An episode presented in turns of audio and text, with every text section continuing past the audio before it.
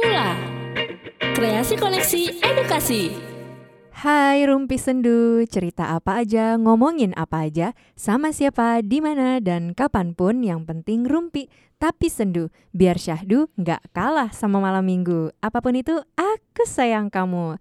Balik lagi bareng Jihan Sueleh di sini dan masih ditemenin sama Mala Azalea. Kita juga masih bakal ngomongin soal resiliensi. Di episode ke-38 kali ini, Rumpi Sendu bakal ngebahas tentang resiliensi dan beradaptasi dengan stres mau nanya dulu nih sama Bunda Mala. Eh orang mah harusnya nyapa dulu ya. Udah nggak apa-apa, Nggak apa-apa, udah langsung aja. Biasa, biasa nggak disapa ya. Biasa nggak disapa. Oke nih, mau nanya dulu nih sama eh, Mala nih. Gimana cara kamu beradaptasi dengan stres? Cara beradaptasi dengan stres. Mm-mm. Jawab tiga detik loh. Oh nggak dihitung dihitung lagi ya. Dijalanin ya. Heeh, Dijalanin, aja. dijalanin, dijalanin aja ya. Iya dijalanin aja. Oke, eh, singkat ya say. Nah biasanya kalau stres tuh dalam kondisi dan situasi apa aja sih mal? Apalagi ngajar anak-anak, terus atau di rumah atau eh, soal asmara, soal uang? eh lebih sering sih soal kerjaan ya. Mm-mm. Itu karena memang eh, kerjaannya yang menuntut banyak.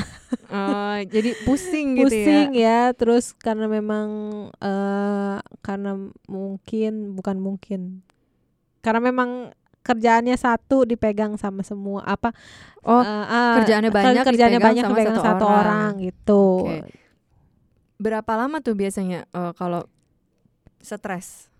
eh lama aku sih nggak lama ya biasanya kalau misalkan kalau udah terjadi ya udah gitu nanti tahu-tahu hilang sendiri gitu Oh, eh, tapi eh, siapa sih gitu atau apa gitu yang bikin eh jadi mood booster kamu gitu?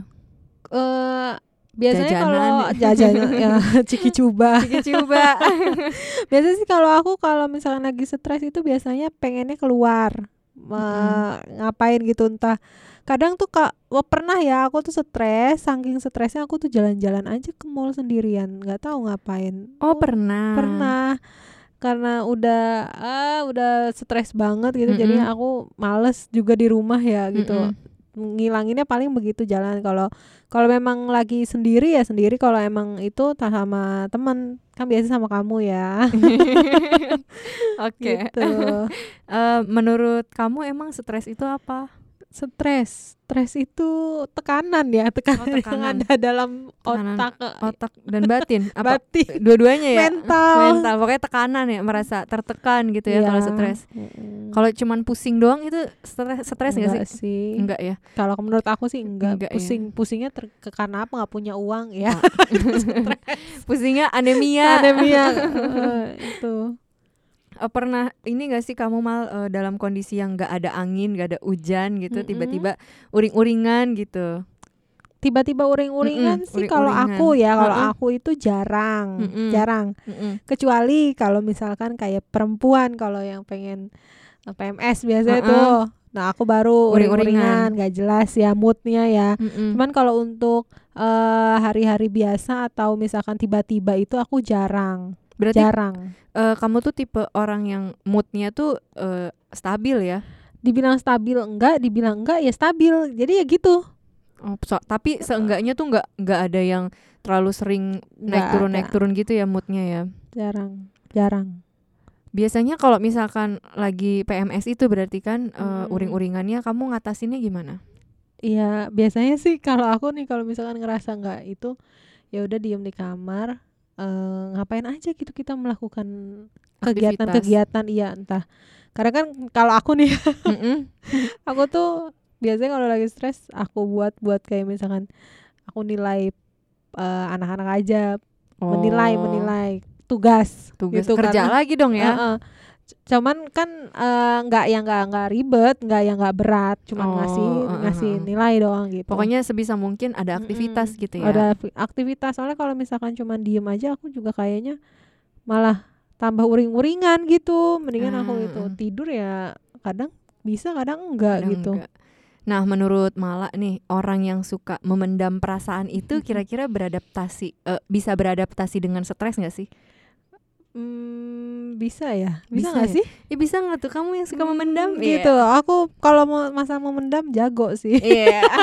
Buat kamu yang jago memendam ya. Asik. gitu ya. Menurut aku bisa ya. Bisa ya. Bisa ya. Mm-mm. Karena memendam sama eh, adaptasi stres Eh, itu eh. hal yang berbeda gitu menurut kamu ya. Kayak heeh. Menurut kamu lagi nih malah orang Iya. yang punya resiliensi itu ciri-cirinya gimana sih? eh se- dari episode sebelumnya udah pernah dijelaskan ya ada Ini- tujuh ya. ini Heeh. ini ngetes. ngetes ya. Ya eh, ya barangkali nih yang ada yang belum dengerin Belum, kan. ah, jadi ah. kan biar dengerin dulu tuh. Asik. di eh, episode sebelumnya ada Mm-mm. tujuh ya bun. Mm-mm. itu ada wawasan, Wawasan, ada hubungan, hubungan, moral, moral, eh, terus humor, humor, eh, kreativitas, Kreativitas. apalagi bun? Di- tolong dibantu bisa. Independen, independensi, Eh, eh, eh, sama hubungan ya? Eh eh, inisiatif. inisiatif ya itu tujuh Coba itu. ulangin. diulangin lagi. Eh, hubungan humor, oh, eh, humor. hubungan, kreativitas, wawasan, wawasan, independensi, independensi dan moral, moral. dan inisiatif. delapan ini ibu delapan tangannya ya bu Wah, Anda fokus sekali. Oke, itu Gitu. tujuh ya. Kalau misalkan Hmm. penasaran, ap- maksudnya apa tuh dari tujuh itu? Kayak gimana penjelasannya bisa dengerin episode sebelumnya ya. Asik. pastinya dong Asik. Jadi gini sahabat. nah, mantap nih. eh malah berarti nyimak banget ya saya. Sekarang aku mau jelasin nih. Jadi eh, benar kata Mala, orang yang punya resiliensi itu eh mudah eh apa tadi eh, punya wawasan kan gitu. Terus memiliki keterampilan berpikir atau kreativitas gitu. Terus eh punya inisiatif gitu kan. Selain itu eh, mereka juga pintar bersosialisasi, mudah beradaptasi, eh, terus eh, punya keterampilan sosial dan kemampuan menilai sesuatu. Nah, terus eh, memiliki orang di sekitar yang mendukung, memiliki satu atau lebih bakat, yakin pada diri sendiri dan percaya pada kemampuannya dalam mengambil keputusan serta memiliki spiritualitas dan re- religi religi religiusit religiusitas. Susah namanya. Nah, Orang yang punya kebajikan dan kekuatan itu berarti dia punya dasar untuk memiliki resiliensi nih. Jadi jangan sedih. Kan kalau episode kemarin bilangnya kan eh, apa kuat belum tentu punya resiliensi, tapi orang yang kuat dan orang yang punya kebajik kebajikan itu berarti udah punya dasar untuk memiliki resiliensi.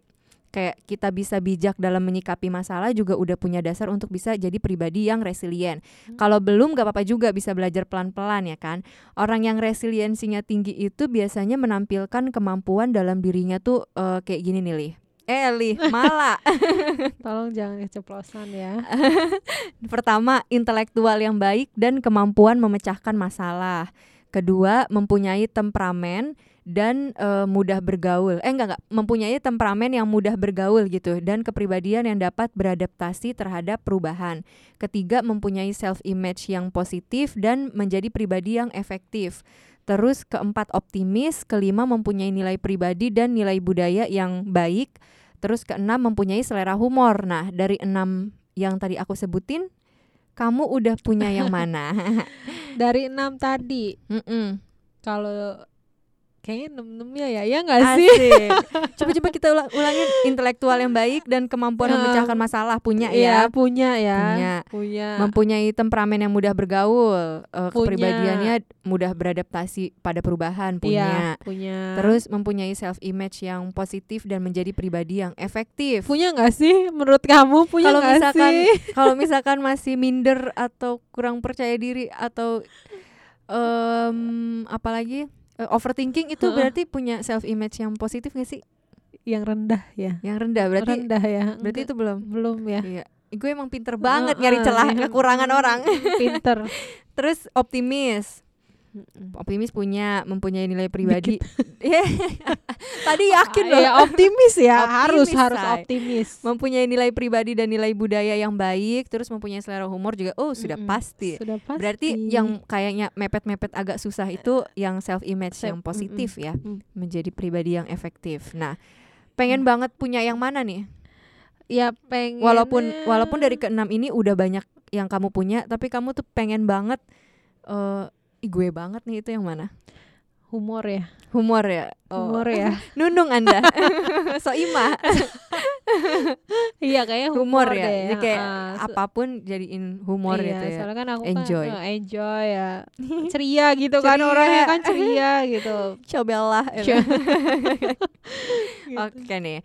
Nah, kita balik lagi ke adaptasi stres nih Mala. Mm-mm. Jadi beradaptasi terhadap stres dengan resiliensi itu bisa kita lakukan dengan cara-cara yang mudah sebenarnya.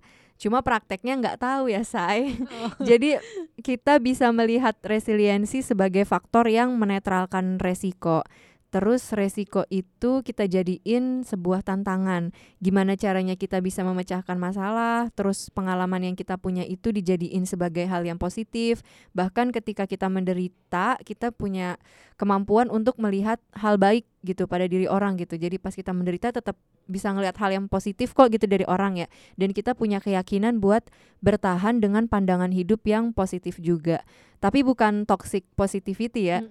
Terus kita juga menggunakan eh, resiko untuk beradaptasi dengan situasi dan kita tetap bisa optimis, memiliki empati, wawasan intelektual dan punya ketekunan, tekad yang kuat dan arah yang jelas gitu. Tapi ada lagi versi lain nih malah Eh, aku pernah baca gitu tulisannya Mas Aji Santoso Putro. Kata beliau hidup nggak perlu eh, tujuan juga nggak ada masalah gitu. Nggak semuanya harus dibikin punya tujuan. Menurut aku ini menarik gitu kan. Soalnya kadang nih kalau kita eh, jalan nih tanpa tujuan aja Mm-mm. kadang kita nemuin hal-hal yang seru dan nggak terduga gitu kan. Nah menurut kamu gimana nih? Mm, menurut aku Mm-mm. kalau tadi kata Mas Aji dia nggak ada eh, tujuan, Nggak ada tujuan ya. juga Nggak apa-apa gitu. ya. Tapi kalau buat aku pribadi sih kalau aku harus ada tujuan. Harus ada tujuan. Harus ada tujuan karena memang eh, kalau nggak ada tujuan bingung ya say mau ke mana Mm-mm. ya say gitu. Apalagi cewek kan dia kalau ditanya terserah. Ya makanya harus punya tujuan. Karena kan eh, model orangnya tertata juga iya ter- kan. tergantung ini juga kali ya eh, Hmm, apa orangnya kayak gimana gitu Iya, ya. iya, Kamu gitu. cenderung tertata. tertata kayak ya aku tuh harus apa harus apa harus apa gitu habis ini tuh eh, aku tuh harus ngerjain apa harus ngerjain apa gitu kan berarti kan itu juga punya tujuan kan mau ke mana gitu Mm-mm. gitu Oh, berarti kamu sendiri harus punya tujuan gitu Iya, ya kalau misalkan apa-apa.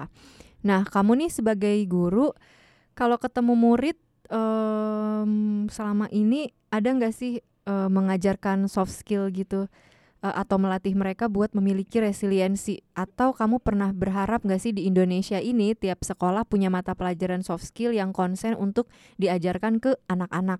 Eh, kalau untuk di sekolah ya Mm-mm. eh belum ya belum banyak yang mengajarkan soft skill kayak gitu ya Mm-mm. karena kalau untuk sekolah umum dia eh, nggak nggak ke situ kalau Mm-mm. sekolah umum kan kayak lebih ke pelajaran gitu Mm-mm. aja kan paling ada kalau itu eh, beberapa sekolah yang memang khusus Mm-mm. jadi sekolah khusus itu seperti kayak sekolah yang karakter tuh yang Mm. eh, eh, karakter yang memang benar-benar diajarkan Mm-mm. karakternya sejak eh, dini gitu kan ya Mm-mm. kalau untuk sekolah umum kayaknya belum ada tapi kalau misalkan eh, di sini pertanyaannya berharap ya di Iya, Indonesia itu berharap karena memang butuh ya so- eh, Mm-mm. soft skill itu untuk anak-anak gitu eh, diajarkan gitu Mm-mm, tapi kalau kamu sendiri eh, walaupun di sekolah itu nggak ngajarin tentang soft skill, ada nggak sih kayak nyerempet-nyerempet nih sebagai guru, ajarin lah dikit-dikit gitu. Pasti, pasti, pasti karena eh biasanya kalau misalkan ini kan lagi pandemi ya nggak masuk ya. Cuman kadang kalau aku tag eh, ininya ke anak-anak kalau misalkan masuk gitu, Mm-mm. heeh, aku tuh selalu setiap pagi tuh setiap aku eh, sebelum belajar itu ya aku kasih motivasi dulu, terus aku kasih ini dulu biar dia itu kayak lebih eh apa kenal lah sama ah, ah, eh, ah. sama dirinya. Pokoknya tetap aku Oh. kasih gitu. Oh mantap juga berarti ya. Jadi Mm-mm. walaupun emang nggak masuk ke apa itu namanya kalau Pembelajaran sekolah ya. ha, pembelajaran, eh, tapi tetap inisiatif dari guru, gitu heeh. ya. kalau Berat- kalau aku sih kadang eh, ngasih gitu ya cuman kadang kalau memang eh apa kalau ada waktu luang gitu kan Mm-mm. kalau misalkan memang eh, waktunya padat paling aku cuman dikit aja Hmm, tapi berarti nggak semua guru kayak gitu ya? Enggak, tergantung sih Tergantung ya. Gurunya tergantung. Dan apa memang eh, tergantung ke sekolahnya juga. Itu menjadi sebuah kurikulum khusus enggak di sekolah itu. Kalau Gitu. kamu kan enggak kan? kalau enggak, kalau aku kan enggak. Karena kan Mm-mm. eh, notabene bukan sekolah yang eh, bukan sekolah yang karakter ya, bukan Mm-mm. khusus eh, karakter gitu, bukan. Aku sekolah umum. gitu. Mm-mm. Oke, tapi harapannya tetap semoga aja bisa ya iya, gitu kan. semoga ada Supaya bisa. eh, pribadi anak-anak itu kayak seimbang ya bisa Mm-mm. hard skill bisa soft Betul, skill gitu. iya karena kan selama ini kan hanya uh, hard, ski- uh, Hard hard, skill, skill, aja uh-uh. ya yang di apa yang digali Yang ya gitu. digali, Uh, iya. Soft skillnya malah jarang gitu. Mm-mm. Sebenarnya kalau SMP ada ya kayak LDKS, iya iya Iya kan, ha-ha. uh, kalau SMP mungkin Mm-mm, karena persami ya. Mm-mm, ha-ha. persami ya. Mungkin karena kan untuk usia SMP kan udah paham ya, Iya. udah paham kalau untuk SD kan kadang eh, jujur aja nih kalau aku sendiri yang sekarang aja yang aku mengajari anak pada kelas ini Mm-mm. itu itu anak-anaknya itu dewasanya tuh belum ada, belum Oh, banyak, mm-mm. eh, eh, belum banyak yang dewasa. Jadi masih mamih banget, anak mamih banget gitu Nah, loh. Padahal udah kelas 4 Padahal ya. sudah kelas 4 gitu. Beda sama tahun yang sebelumnya yang memang eh, tanggung jawabnya dan eh, kemandiriannya sudah ada gitu. Itu karena Eh, mungkin karena memang faktor orang tua, faktor pola oh asuh, karena atau juga mungkin karena pandemi pandemi heeh, di rumah Uh-uh. belajarnya cuma lewat Zoom gitu ya. lewat Zoom dan memang eh memang sebelumnya gitu maksudnya memang mungkin pola asuhnya pola asuhnya juga. Oh, berarti pola itu. asuh anak yang eh, di tahun sebelumnya beda, ke- beda sepertinya ya, beda heeh. lebih kalau untuk tahun sebelumnya mungkin memang untuk tanggung jawab bagus untuk kemandirian juga bagus kalau sekarang mah ya begitulah gitu Ah, oke oke. saya dibalikin lagi kan Kit- Mm-mm. kalau namanya lagi pandemi ini dan pembelajaran di eh, di rumah kita nggak bisa guru nggak bisa nuntut banyak dari rumah gitu Mm-mm. kita nggak bisa ya udah gitu kita nerima Hmm. gitu Iya iya, rumit juga berarti ya. banget Nah, pas banget nih kita eh, bisa nih mal buat meningkatkan resiliensi. Jadi walaupun eh, apa nggak ada nggak ada pelajaran di sekolah umum gitu, Mm-mm. kita bisa eh, pelan-pelan ngasihin eh, ke anak-anak atau justru orang di sekitar kita gitu untuk Oh, meningkatkan resiliensi itu. Jadi ada tiga caranya. Kita bisa berikan dukungan, harapan, dan kesempatan. Tiga cara ini bisa ngebantu kita buat meningkatkan resiliensi supaya kita bisa jadi pribadi yang resilient alias punya pertahanan diri dan bisa beradaptasi dengan stres. Yang pertama kan dukungan ya.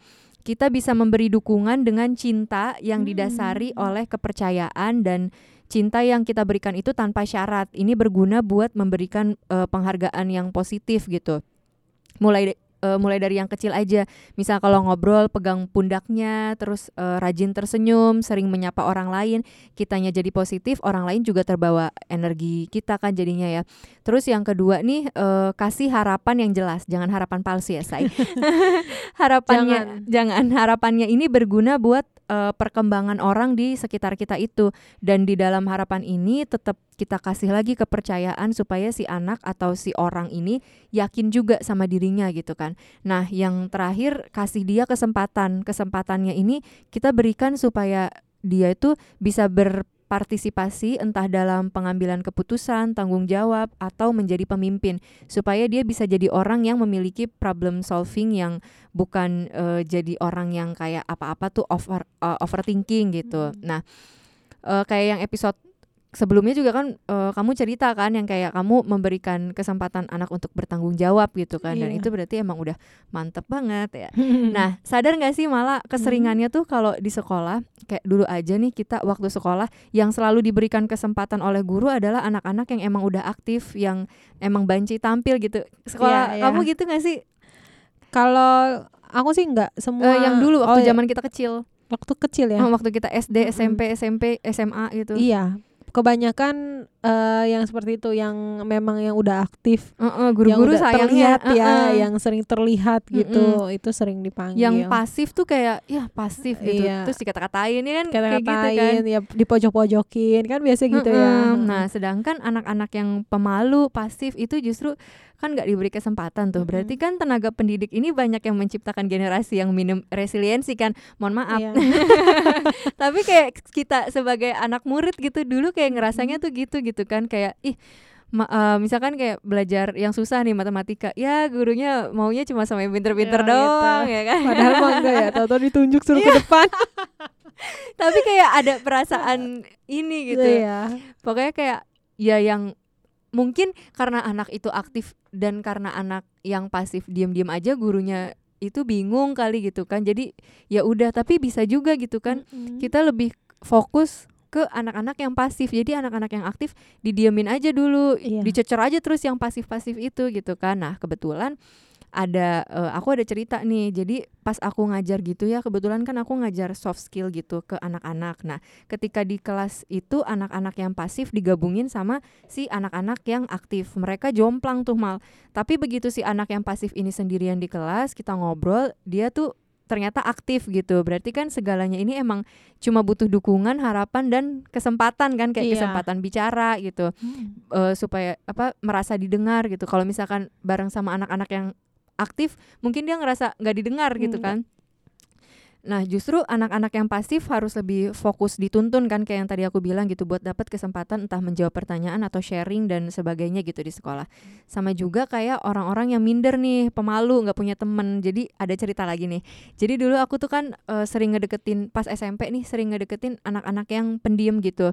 Nah eh, pas SMP sekitar SMP kelas 2 aku tuh deketin lima anak lima anak cewek di kelas yang pendiam jadi kayak di sini satu kelas nih nah mereka mau jokan Geng-geng aja, gitu ya? geng geng diem gitu Mm-mm. bener-bener nggak mau bergaul sama yang lain gitu kan terus akhirnya aku deketin dan beberapa bulan aku main sama mereka mencoba akrab terus mengajak mereka itu buat kolaborasi kebetulan ada acara gitu kan eh, acara kelas Iya. yang tampilnya tuh di satu sekolahan itu dilihat satu sekolahan Kayak gitu pensi gitu bukan sih? bukan pensi lebih ke praktek praktek apa ya lupa pelajarannya apa pokoknya Biasanya kayak kalau praktek-praktek apa seni budaya gitu Seni gitu budaya ya. kali ya, kalau nari salah. kali ya. Heeh, nari, heeh. kan biasa. jadi prakteknya tuh kayak nari gitu terus aku ajak aku ajak mereka eh, buat kolaborasi tampil di sekolah itu awalnya kan pada takut nggak pede gitu ka- karena bakal dilihat satu sekolahan itu kan tapi Iya. lama-lama ternyata mereka jadi percaya diri dan yakin gitu kalau mereka punya bakat mereka bisa gitu sebelumnya mereka ngerasa mereka bukan apa-apa dan orang-orang eh, jadi apa kayak ngerasa nggak mau temenan entah orang-orang yang emang nggak mau temenan atau itu jangan-jangan perasaan kita kan karena kita Perasaan, minder iya. gitu kan nah setelah mereka kayak gitu orang-orang jadi mau temenan sama mereka karena Hmm. mungkin mereka udah membuka diri gitu iya, ya. Iya, heeh. Kenapa mereka bisa membuka diri? Karena mereka sadar, udah sadar gitu. Oh ternyata gue mampu nih gitu Mm. kan. Gue bisa yakin gitu sama diri sendiri. Nggak lagi ngerendahin atau meremehkan diri sendiri gitu. Jadi emang kalau menurut aku tiga hal ini kalau kita mau lakukan terus ke orang-orang sekitar kita, pelan-pelan kayaknya kita bisa sama-sama membentuk lingkungan yang sehat dan punya pertahanan diri yang baik gitu kan. Iya, iya gitu. Setuju Bunda Mala. Setuju sekali. Itu kan menurut aku. Kalau menurut Mm. kamu gimana? Atau kamu ada cerita juga nggak kayak tentang hal Hmm, itu? Cerita ya Mm-mm. Di sekolah gitu di sekolah mungkin. ya oke kalau cerita sih ada pastinya ya untuk anak-anak yang kalau tadi kamu bercerita dengan tentang anak-anak yang pasif dan anak-anak aktif Pasif. pasif Pa- tadi apa sih Pasif. tadi apa Pasif. Sunda Sunda. Sunda ya anak-anak yang pasif dan aktif memang Pasif aktif. pasif iya, ya. Sunda Ah, banget. ah, Padahal ah, Anda iya, orang jauh. Jogja. nggak usah disebut. Nah iya ya kalau Heeh. emang bener sih untuk kalau misalkan digabungin yang Mm-mm. anak pasif kan pasti nggak kelihatan di Iya. anak-anak aktif ya. Heeh, sama gitu waktu waktu itu juga aku pernah eh, apa nanganin anak yang memang waktu itu di kelas ya di kelas posisinya memang dia ini anaknya sensitif Eh, dan mm-mm. tidak percaya diri gitu kan ah, ah. Eh, ketika Repot ya udah sensitif udah nggak percaya sensitif, diri. percaya diri gitu eh namanya di kelas satu kelas isinya 25 Oh, anak 25, heeh. tahu sendiri yang sifat anak itu bagaimana yang Iya, aktifnya kayak heeh. apa yang pasifnya kayak gimana kan banyak dong pastinya Mm-mm. nah si anak ini memang eh, memiliki sifat yang sensitif ya gitu Mm-mm. sebenarnya sih eh, waktu itu ceritanya aku juga eh, baru tahu ketika eh, orang tuanya datang ke aku. Eh, eh, Mm-mm. karena memang sebelumnya dia ini pendiam juga, repot Oh. juga dong. Mm-mm. Ya, Iya. udah udah diem, terus dia juga sensitif. Dan dia cewek cowok. cowok, Cowok, eh, eh, heeh. cowok, cowok loh ya. Jadi iya makanya orang tuanya datang ke aku katanya eh, ngerasa anaknya itu eh diperlakukan yang tidak, Tidak baik. baik. gitu sama temennya. Terus saya eh, aku bilang si eh, kenapa memang kayak gitu? Aku cerita, ah, dia cerita kan gini gini gini gini. Dan ternyata memang dia itu bermasalah sama anak perempuan yang memang yang memang mulutnya tahu sendiri ya perempuan julid-julid gimana gitu kan dia itu nggak terima Masa depannya ceritanya. Tejo gitu. Ah, ah. Iya, nah kebetulan eh bukan ini ya kayak eh salah aja gitu dia nggak pas aja gitu kan ya eh, temenannya gitu eh sama perempuan yang apa anak perempuan yang memang julid gitu kan Mm-mm. ya mau niatnya perempuan sih eh dia ngomong bercanda ya cuman karena memang si anak ini Sensitif. sensitif jadi eh dia ini ngambek gitu kan ya Mm-mm. sampai dia mau pindah sekolah waktu itu nah Ya terus. "Ah, sama mau pindah sekolah karena merasa aku dijudesin sama ini katanya sama dia aku dijudesin gitu kenapa sih mulutnya dia tuh eh, kayak gitu Mm-mm. gitu terus aku bilang gini memangnya kenapa apa masalahnya ya aku Mm-mm. aku tanya gitu kan aku ceritanya gitu Eh, dia cerita kan akhirnya terus aku bilang gini ya udah kalau memang eh, kamu nggak nyaman main sama dia Mm-mm. silahkan cari teman yang lain gitu banyak Mm-mm. teman kamu di kelas ini ada 25 loh kalau misalkan kamu nggak suka dua masih ada berapa kan aku gituin kan Mm-mm. maksudnya ma- ya masih ada eh, 23 anak yang lainnya yang bisa kamu ajak main kalau memang kamu nggak ada juga ya udah cari ke teman sebelahnya apa ke Mm-mm. kelas sebelahnya gitu kan ya Mm-mm. Ya, kalau emang nggak bisa ya udah kamu cari bener yang teman eh, teman yang bener-bener nyaman bikin nyaman sama kamu. Boleh sama adik kelas boleh sama kakak kelas gitu. Nggak harus sa- main nggak harus sama teman sekelas kan? Mm-mm. kas- ya aku ya aku ngomongin kayak gitu. Aku juga ngomong kan ke orang tuanya kan maksudnya Mm-mm. untuk di rumah di lebih Didukung di, ah, ya, didukung gitu kan ya. Ya udah ah, ya aku ngomong kayak gitu terus eh, aku juga ajak ngomong yang cewek ini. Yang julid juga kan ya. Aku tanya kenapa kamu ngomong kayak gitu? Jadi merasa si eh, yang korban ini nggak Heeh. nggak terima dong dia Mm-mm. diomongin kayak gitu. Cuman katanya aku cuman ngomong ini bun katanya gitu ini. Yang menurut aku memang itu wajar untuk diomongin anak-anak tahu kan? Maksudnya Hmm. eh, bercandanya anak-anak SD itu kayak gimana? Paling ya seputar kamu gimana sih? gitu. Jadi tuh dia tuh nggak Oh. nggak nggak nggak terima kalau kamu kayak kalau dia itu kayak direndahkan gitu Mm, ya kan mm, mm. akhirnya aku bilang ya ya udah eh, aku kasih pengertian juga sama sa- si anak cewek ini bahwa si anak yang cowok ini kan agak sebegini gini gini Mm-mm. gitu sensitif gitu. Ada baiknya kamu berkata yang baik-baik. Ya eh, jangan sampai menyinggung perasaannya aku gituin terus ya aku balikan lagi ke yang cowok kalau memang kamu eh, nggak nyaman silahkan. Kalau memang mau pindah kelas boleh saya gituin aku Mm-mm. gituin sih maksudnya aku kasih lagi pilihan gitu Mm-mm. karena kan kita juga nggak bisa maksa buat tetap tinggal di situ kan Asik. terus kalau emang dia nggak nyaman ya udah gitu tapi eh, Akhirnya, alhamdulillah hmm. akhirnya dia bisa nerima eh lah si cowok ini bisa nerima dan ceweknya juga maksudnya udah udah paham udah paham Akhirnya dia nggak julit-julitin udah lagi. udah nggak julit-julitin dan udah tentram lagi kehidupan udah nyaman lagi dan Alhamdulillah. dan udah nggak minta pindah lagi udah nggak Udah- pindah-pindah ya. karena memang kalau anak SD itu kalau eh, kalau dijahatin dikit diapain dikit bilang ya pan aku mau pindah sekolah pasti kayak gitu aku mau pindah sekolah aja sekolah situ nggak enak teman-temannya nggak enak gitu Kayak di film-film sinetron-sinetron iya gitu ya. oh, oh, kayak gitu ternyata emang Iya sih, benar. kenyataan Kalau udah gedean dikit ngomongnya apa? apa Aku mau mati Iya. aja.